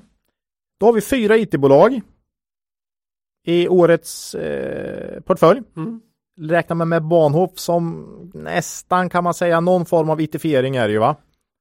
Då har vi fem. Eh, så det är ju en stor del. Men det är ju en trend som vi tror mycket, alltså hela digitaliseringen. När det är lång sikt så. Ja. Tre industribolag och då har alla, ligger väl mitten på midcap. De har bevisat sig. De har eh, förvärvat, eh, ja, det är välskötta bolag helt enkelt med väldigt bra historik. Mm. Sen har vi då ett bolag som tillverkar fönster och dörrar. väldigt svårt att kategorisera, svårt att säga att det är industri direkt. Men, eh, och sen så har vi då Kindred som är en speloperatör. Eh, ja, men bra spridning tycker vi. Börsvärde på 6,3 miljarder i, är snittbolaget här då. Men då är Kindred eh, 23 miljarder här. Drar upp lite. Så att 4,5 är det i börsvärde på de andra i snitt. Eh, och vi gillar ju ofta det här, vi har sagt det, midcap eller nedre delen av midcap för då har man ju liksom bevisat sig och eh, men har fortfarande väldigt mycket tillväxt framåt då. Mm. Ja, men man, har ju, man är stora nog för att ha muskler för allt som bolag behöver ägna sig åt. Mm. Parera olika typer av gupp i vägen och, Men Ja. och så vidare. Men man är tillräckligt små för att det ska finnas jättestora tillväxtmöjligheter. ja, 4 miljarder eh, och liksom du har hela världen som marknad, då finns det mycket. Man kan ju vara lite oupptäckt också. Ja, Ehm, definitivt. och då kan det ju ha en ganska stor potential om fonderna upptäcker och det blir lite större. På 18 år kan det hända ganska mycket. Hade inte DI någon artikel om det här också? Jo, nej, men de hade ju konstaterat att eh, midcap var bästa eh, utvecklingen Ja. eh, över tid. Så att, eh, Vi gillar ju midcap. Det är ju så. Mm. Eller övre delen småcap och nedre delen av midcap brukar vi säga. Där finns det mycket bra, tycker vi. Eh, omsättningstillväxt för den här portföljen i snitt då är 11% per år senaste sju åren. Så lite eh, över 10% tillväxt för de här bolagen eh, gemensamt då. Och P-talet landar på 16. Mm. Så P talet 16 är lite högre än, ja, vi, hade, vi hade nog det något år i och för sig, men det är ändå fair liksom. Men det är, vi tycker nog det är svårare i år än förra året. Då, förra året hade vi P 12 och en eh, nästan högre tillväxt på de bolagen vi hade tror jag. Eh, men då var det ju efter pandemin och ja, du fick köpa saker billigare helt enkelt. Börsen har gått bra. Börsen har gått starkt. Mm. Så att vi kan väl säga om vi sammanfattar i år så är det väl lite dyrare och lite, vi är lite oroligare på kort sikt i många bolag också. Men eh, en portfölj ska fram Mm. och den här är en portfölj vi faktiskt tror mycket på på 18 år. Mm. Men det ska mycket till om den går 100% på ett år. Oerhört. Jag skulle bli oerhört förvånad om, om, om den här går upp 100% på ett år. Men you never know. Det trodde jag nog inte om förra heller egentligen om jag ska vara ärlig. Det tror man nog aldrig. Men, Börsen ja. kan överraska. Ja. Och vi envisas ju med att följa upp det här väldigt, väldigt tätt. ja, men det är också bra det här med uppföljning. Ja, det är Eh, så länge det har gått bra nu. Men Ja. sen när, när det vänder och säger att det här är långa portföljer, det räcker om vi Vi hade nog slutat, vi hade nog tredje- vart fjärde år sådär. slutat med det här om det hade varit katastrof för tre år i alla portföljer. Då har man sagt nej det här det funkar inte. Buy and hold det är inget. Men om det skulle hända att, att det går ner så mycket så vi slutar följa upp dem, då tror jag att det är bra köpläge. Ja det Ja, tror ja, jag med. Det kan det nog vara. Det kan tror det jag med. vara. Ja. Nej, det ska vi inte göra. Nej. Eh, Ja men bra. Det var det, var det vid årets buy and hold. Härligt. Ja, tack Kul. så mycket. Mm. Eh, ja, i den här podden är vi ju stolta att åter vara sponsrade av Affärsvärlden. Mm. Ja. Det är ju Sveriges ledande affärsmagasin, kommer ut varje vecka eh, med ett nytt nummer. Och utöver spännande artiklar om aktuella ämnen finns eh, innehåll i varje nummer eh, av tidningen en rad intressanta analyser. Och ännu fler finns ju på webben då. Eh, I avsnittsbeskrivningen finns en länk till en tidig julklapp i form av ett förmånligt erbjudande på deras produkt. Premium digital. Tre månader. Köp till dig själv i julklapp eller Ja. någon, någon vän eller Mm. ja. Halva ordinarie priset. Mm. Och vill ni istället gå direkt till Affärsvärldens prenumerationssida anger ni bara koden kvalitetsaktiepodden med små bokstäver och två pen som vi alltid gör. Som kod så får man tillgång till erbjudandet den vägen. Mm. Och eh, vi har ju under några avsnitt eh, tittat närmare på eh, några av deras eh, aktuella analyser. Och i nummer 48 av Affärsvärlden som kom ut eh, söndagen efter vårt senaste avsnitt tittar deras analytiker Daniel Svensson närmare på verksamhetshissbolaget Ja. Alimak.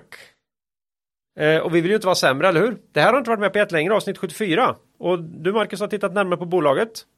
Ja, precis. Vad, vad Nej, säger det, vi? Det är ju ganska länge sedan, så det är dags för uppföljning. Ja, Eh, och i det här tidigare avsnittet då, så konstaterar man att bolaget jobbar med vertikala transportlösningar, ja, det är underbart. annat benämnt hiss.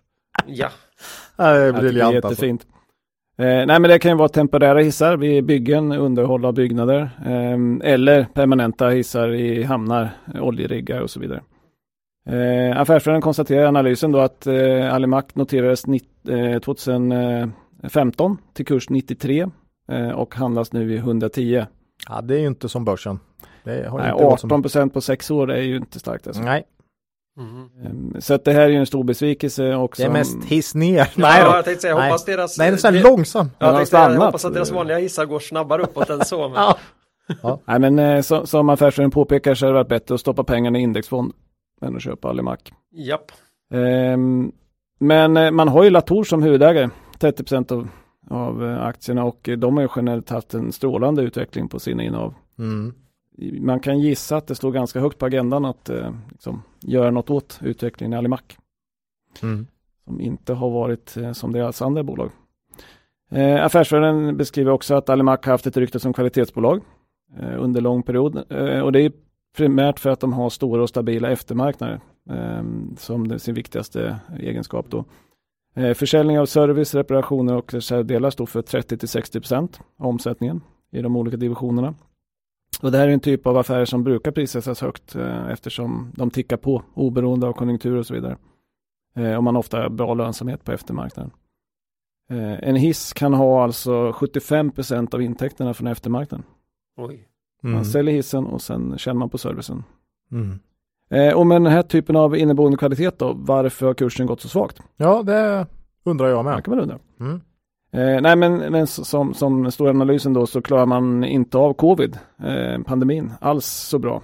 Eh, man föll omsättningen, eh, omsättningen föll 2020 med 18% och vinsten med 51%. Oj. Och, och det här har ju många andra bolag också råkat ut med. Problemet här är att man inte har studsat tillbaka på samma sätt som många andra bolag. Eh, på rullande 12 så är omsättningen fortfarande 79% av 2019 och resultatnivån är 65% av 2019. Ja. Så man har en bra bit tillbaka. Ja. Eh, man eh, har nyss, när man släppte Q3-rapporten så minskar orderingången organiskt 3% Intäkterna organiskt med 5% men rörelseresultatet var upp 86% Det låter ju fantastiskt bra. Mm. Ja.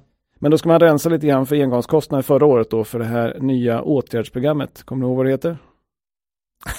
New Heights va? New Heights. Fantastiskt bra tycker Vilken jag. jävla tur du tog det för jag började higher ground. Det är något Higher ground, ja, något det hade inte, höjd- det hade höjd, inte heller ja. varit dumt Nej, det det inte. Ja. New Heights. New Heights. Ja. Och de har ofta ganska dåliga namn tycker jag de här, men det här är ju ganska bra. det här är bra. Men det På var väl. Pandora som hade Now. Ja. Det går inte att slå. Det är, det är fantastiskt. Det är som de Ja, kör, inte nu, inte nu, men nu. Mm. Det här är kärnfullt. Det är kärnfullt. Danskarna kan det här med att få huvudet Ja. på spiken. Ja. Eh, men eh, man har haft väldigt olika utveckling på sina divisioner. Eh, och vi börjar med det positiva. Man har då en division som kallas Industrials. Eh, man ökade omsätt, eh, orderingången med 19% omsättning med 5 och resultatet med 47 eh, mot eh, Q3 2020. Och nådde en ebitda-marginal på 22,2. Det är väldigt starkt. Grymt. Och här säger man att det drivs av högre volym och god kostnadskontroll eh, genom det här åtgärdsprogrammet. Då. Sen har man en avdelning som heter Construction, ökade orderingången med 15, intäkterna med 13 och resultatet med 63. Också jättebra. Eh, man ökar marginalen från 12,2 till 17,7. Eh, samma förklaringar som inom Industrials då. Eh, så så här långt så låter ju allting bra. Mm. Men, Men jag misstänker att någonting annat har gått lite sämre. Ja, vi har två kvar. Mm. Eh, ett, ett av dem heter då Wind eh, som håller på med vindkraftsturbinstegar då. Bland annat. Eh, och här har man ordergång på minus 36% omsättning minus 34 och ebita-resultat minus 30. Oj. Eh, här har man då dock gått ur ett affärsområde som heter Tower Internals. Det vill stegar inne i eh, tornen då. Eh, där man haft eh, stor konkurrens och har lämnat det området då. Eh, och det står för huvuddelen av minskningen. Man håller uppe marginalerna helt okej, 11,3 procent. Mm. Problemet är att man kan inte förvänta sig någon snabb vändning av omsättningen då, för vd sa på konfkålet att man såg no upside in volumes in the coming quarters. Med S på slutet. Så inte bara Bra. nästa. Mm. Bra snappat där då Macke. Så att eh, nej, det, det, den ser lite, lite blek ut, men, men den är inte värst. Nähä. Aj. Och nu kommer sorgebarn, det riktiga sorgebarnet Nu då. kommer sorgebarnet. Nej, men det, ja, de har ett område som heter BMU förkortat om det, det är Building Maintenance Unit. Eh, och det här affärsområdet sysslar med fasadunderhåll då. Jo. Eh, och affärsvärlden beskriver det här då att det kom in i bolaget via förvärv 2016. Eh, och att det inte alls utvecklas som man hade tänkt sig och att det snarare ses som ett turnaround case. Så det är inte alls covid där heller bara utan Nej, det började tidigare också. Okej. Mm. Ehm, och det står för ungefär 30 av omsättningen men är bara en marginell del av vinsten då. Ehm, I Q3 minskade omsättningen med 12% och nådde en marginal på 1,8. Okej. Och det var ändå en förbättring från minus 9,1. Man säger att service går bra, svagt på utrustning. Sen säger man att man har en svår marknad för, för skyskrapor och vill fokusera på lägre byggnader. Man har underhåll av stora hö, höga byggnader men tydligen där har man lite covid-effekt av att man har byggt färre då. Eh, och enligt bolaget är det lättare ut rent ingenjörsperspektiv med lägre byggnader. Eh, problemet är då att här har man då enligt vd hamnat lite på efterkälken eftersom man har fokuserat på, på skyskrapor och man har fler konkurrenter helt enkelt. Mhm. Eh, man fick eh, dock frågan på konfkålet om det finns potential för tvåsiffriga marginaler då, som i de andra affärsområdena eh, på sikt. Och då sa vd att han definitivt tror att det gör det. Och att de har goda möjligheter för tillväxt och lönsamhet. Och det skulle i sådana fall vara en trigger för det här ligger ju inte alls i kursen att man vänder det här. Så. Nej, det där är ju en, en, en, en väldigt viktig del såklart, om, om, om det kan slå in. Absolut, Men än så länge känns det som ett dåligt förvärv, Ja, skulle jag säga. det måste man säga. Mm, mm. Eh, affärsvärlden går igenom bolagets nya mål som sattes i samband med kapitalmarknadsdagen i sommar då, i somras. Eh, de skiljer sig inte jättemycket från de gamla skulle jag säga. Eh, man har angående tillväxt då en genomsnittlig organisk tillväxt på 6% sa man förut.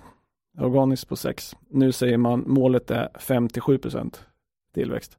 Men det är INK-förvärv då? Ja, och det, och det, är liksom, det låter ju lika om man bara läser upp dem, men Mm. om man eh, Ja. kollar lite mer så är det ju faktiskt Total tillväxt. Total mot tillväxt organisk. mot organisk. Organisk sex är ju riktigt vasst. skulle jag säga. Absolut. Mm. Så att det här måste man ju säga är en ambitionsminskning. Ja.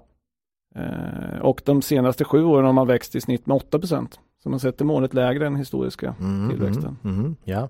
Ja, och det är, det är lite jobbigt också med tanke på att senaste förvärvet har ju inte varit Nej, någon, någon framgångssaga alls. Det där är alltid lite skrämmande. Mm. Bra förvärvare är ofta bra förvärvare och dåliga förvärvare är ofta dåliga förvärvare då. ja, lite så. Gick inte det här bolaget in ganska högt också på börsen värderingsmässigt? Ja, skapligt. Men det var ju sett som ett riktigt kvalitetsbolag. Jo. Mm. Eh, just av de här anledningarna som vi började med. Ja. Så att, eh, nej men, eh, så det var ju ett stort förvärv som, som inte blev alls som man hade tänkt sig. Man hade ett gammalt mål då med operativ ebitda-marginal på medellång sikt på 15% som man bytte till 14 till 16 Det är i alla fall väldigt lika. Ja. Man ger sig lite spelrum möjligtvis, men det är ingen större skillnad. Nej. Men hur Eh, ska man utvärdera ett sånt liksom? Jo, vi klarade 14 procent som vi har sagt. Ja, men ni fick, ni fick 16 procent här liksom. Ja, nu är vi övre spannet av vårt mål.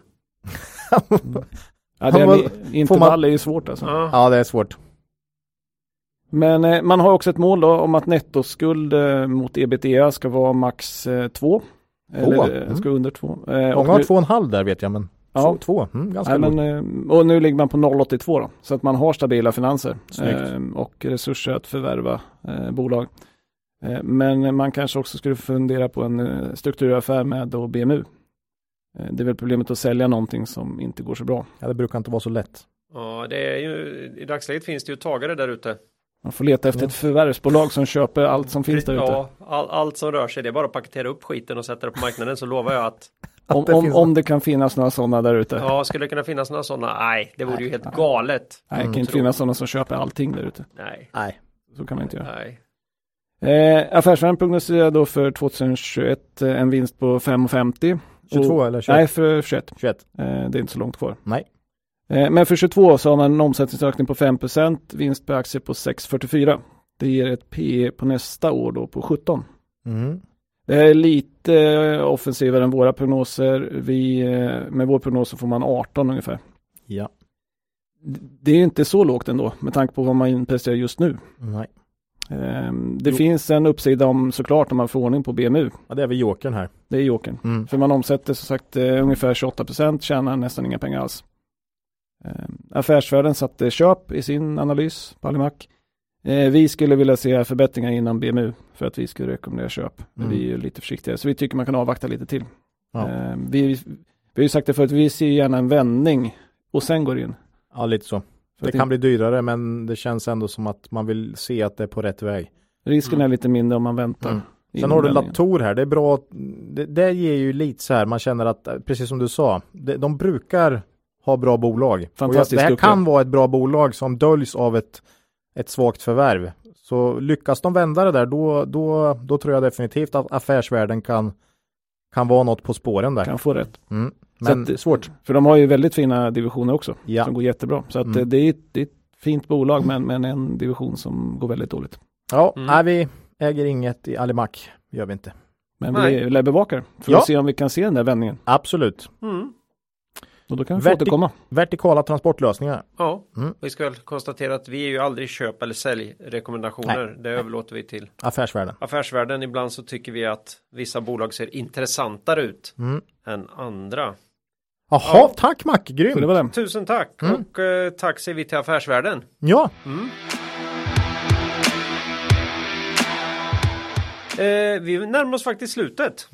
Mm. Redan tänker lyssnarna. Ja. Det har ju max gått en och en halv timme här. Vad är det här? Eh, nästa avsnitt är nummer 107. Mm. Julen står ju för dörren här men det kommer faktiskt ut den 23 december. Eh, som ett ordinarie avsnitt även om vi spelar in kanske några dagar i förväg där. ja. Sen blir det ett specialavsnitt eh, med repetition av vår filosofi i nyinspelning. Och då blir det alla, oss alla tre bakom mikrofonerna den här gången. Och förhoppningsvis betydligt bättre ljud. Och så finns Ja. det väl en risk. Just det. Det det finns var- ju risk att vi inte säger exakt samma sak som vi sa då för. Nej, just det. Vi har ju också blivit fem år visare här på något Mm. sätt va? Mm. Nej, men eh, jättebra. Många som efterfrågar eh, liksom eh, investeringsstrategi, snack och det passar ju perfekt då i ett sånt här Mm. julavsnitt. När man inte behöver ha... Nyårsavsnitt då. ja, nyårsavsnitt är det ju precis. Så Mm. att man liksom, där man inte behöver ha exakt dags, dagsfärsk information då. Nej. Nej, Nej, den är ju lite lika hela tiden vår filosofi. ja den händer- har inte rört sig sådär Händer inte jättemycket. jättemycket då. Nej, Kan man tänka sig att det kommer bli något Buffett-citat? kan mycket väl bli. Det, det finns en liten, liten risk. Mm.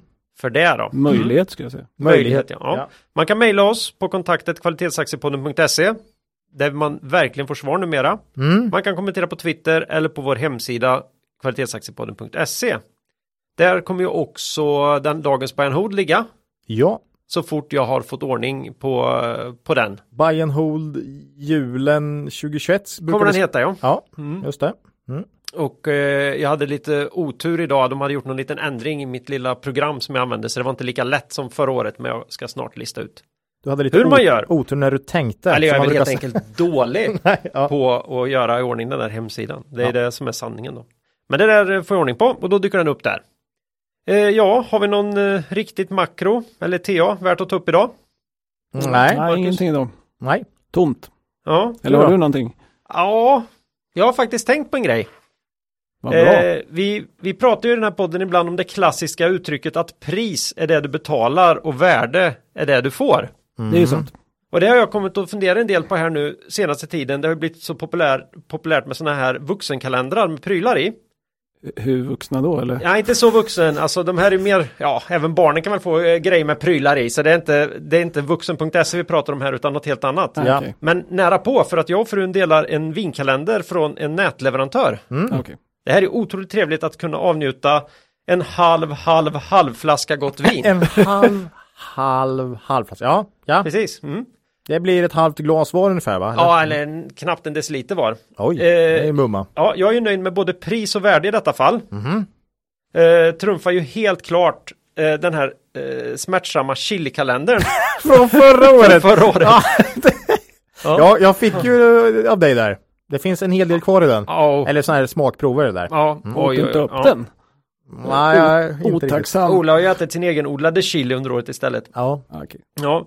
Eh, några andra som nog har fått anledning att fundera över det där med pris och värde är ju eh, köparna av mode och parfymmärket Ch- Chanels kalender då. Coco Som riktar Chanel. sig Nej. uppenbart till deras eh, vuxna kunder för att det är väl ingen som har missat den här nyheten i media. Kalendern kostar 7 500 Det är en hel del.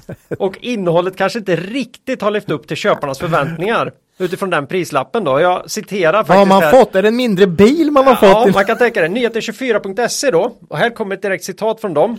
Det där kan man läsa. TikTok-profilen Elise Harmon köpte en kalender för att öppna och visa sina följare. Men, men innehållet var en sån besvikelse att det slutade med att kritiken blev så svidande att Chanel raderade sitt konto på TikTok. Oj. Oj. Och även blockerade Elise. Mhm. Kalendern innehöll nämligen saker eh, som en eh, tom mini-dustbag, klistermärken och gnuggistatueringar. Ja, det är inte, gnuggisar vill man inte ha för 7 500 det, det kan jag säga. Det innehöll också lite små, små olika prover på olika parfymer och sådär men Alltså- Va, vad gör man med en mini-dustbag? jag vet inte, man lägger väl eh, om man, om man har väldigt lite dust Okej. så får, kan det få plats i den bagen. Ja, okej. Så tänker jag. Ja, jag ingen Jag, jag säger i ljuset av det här hade nog en liten post i Anoto till och med varit att föredra. det är min, Jag vill veta värdet på prylarna ja, i jag den vet här. inte om det har framkommit men det jag, sammanlagda värdet på jag prylarna. tror att många misstänker att det kanske är en tiondel eller något sånt. Jag skulle vilja göra en sum of all parts Ja. Ja, det var lite kul för eh, Bianca Ingrosso fick ju lite kritik för någon, sitt företags, jag vet inte om hon äger så mycket i det längre, hon gjorde väl någon försäljning där, Kaja eller vad heter det, men den kostar väl typ ett och ett halvt eller något den kalendern och folk var lite missnöjda. Det här är Det här är det way, är way helt, above. helt annan nivå. Nej, men det här är, tycker jag är jättebra. Man kan det de har upplevt här är att de på ett väldigt handfast sätt faktiskt fick se vilket värde det fanns i förhållande till det pris man betalt. Ja. Och det är det många som bör fundera på även när man är ute på börsen. Den där är ju sjukt viktig. Ja, Det är ofta så vi funderar. Vad får vi för det vi betalar? men sällan kan du då som i det här fallet bara öppna 24 luckor och få lite reda på det direkt så att säga. Så det här, gick ju fortare då, kan ta tid på börsen då. Eh, eget ägande. Ja, om jag ska försöka summera här då så är det två av buy and hold-företagen som vi äger i företaget här. Det är Proact och det är Scanfil. Mm. Eh, De andra åtta äger vi inte i företaget men finns med alla finns med i någon av våra pensionsspars, eh, privata pensionsspar här. Det. Eh, så det om det. Sen äger vi Doro också som vi hade uppe här i, i inledningen. Ja, Evolution nämnde vi också. Äger Marcus i sin allt, Numera i pension. allt, vi, allt bredare pensionsspar. Ja. Ja, så är det. Var kan det ta slut? Jag, jag samlar ju på lite vinylskivor och sådär. Macke samlar ju på aktier.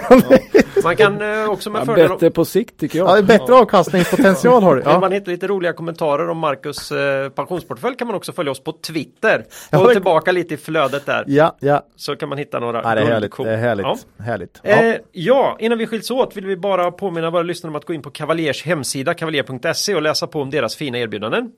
Då ska man komma ihåg att historisk avkastning i fonder inte behöver vara en indikator på framtida avkastning och att man kan förlora delar av sitt satsade kapital då fonder kan både gå upp och ner i värde. Har ni inte gjort det än så bör ni också titta till Affärsvärldens finfina erbjudande för vem vet hur länge det finns kvar. ja. Men det finns det just nu, så passa på. Ja. Ja, då säger vi hej då för den här gången och ber er komma ihåg att Det är först när tidvattnet drar sig tillbaka som du får se vem som badat naken. Lose money for the firm and I will be understanding. Lose a shred of reputation for the firm and I will be ruthless. I welcome your questions.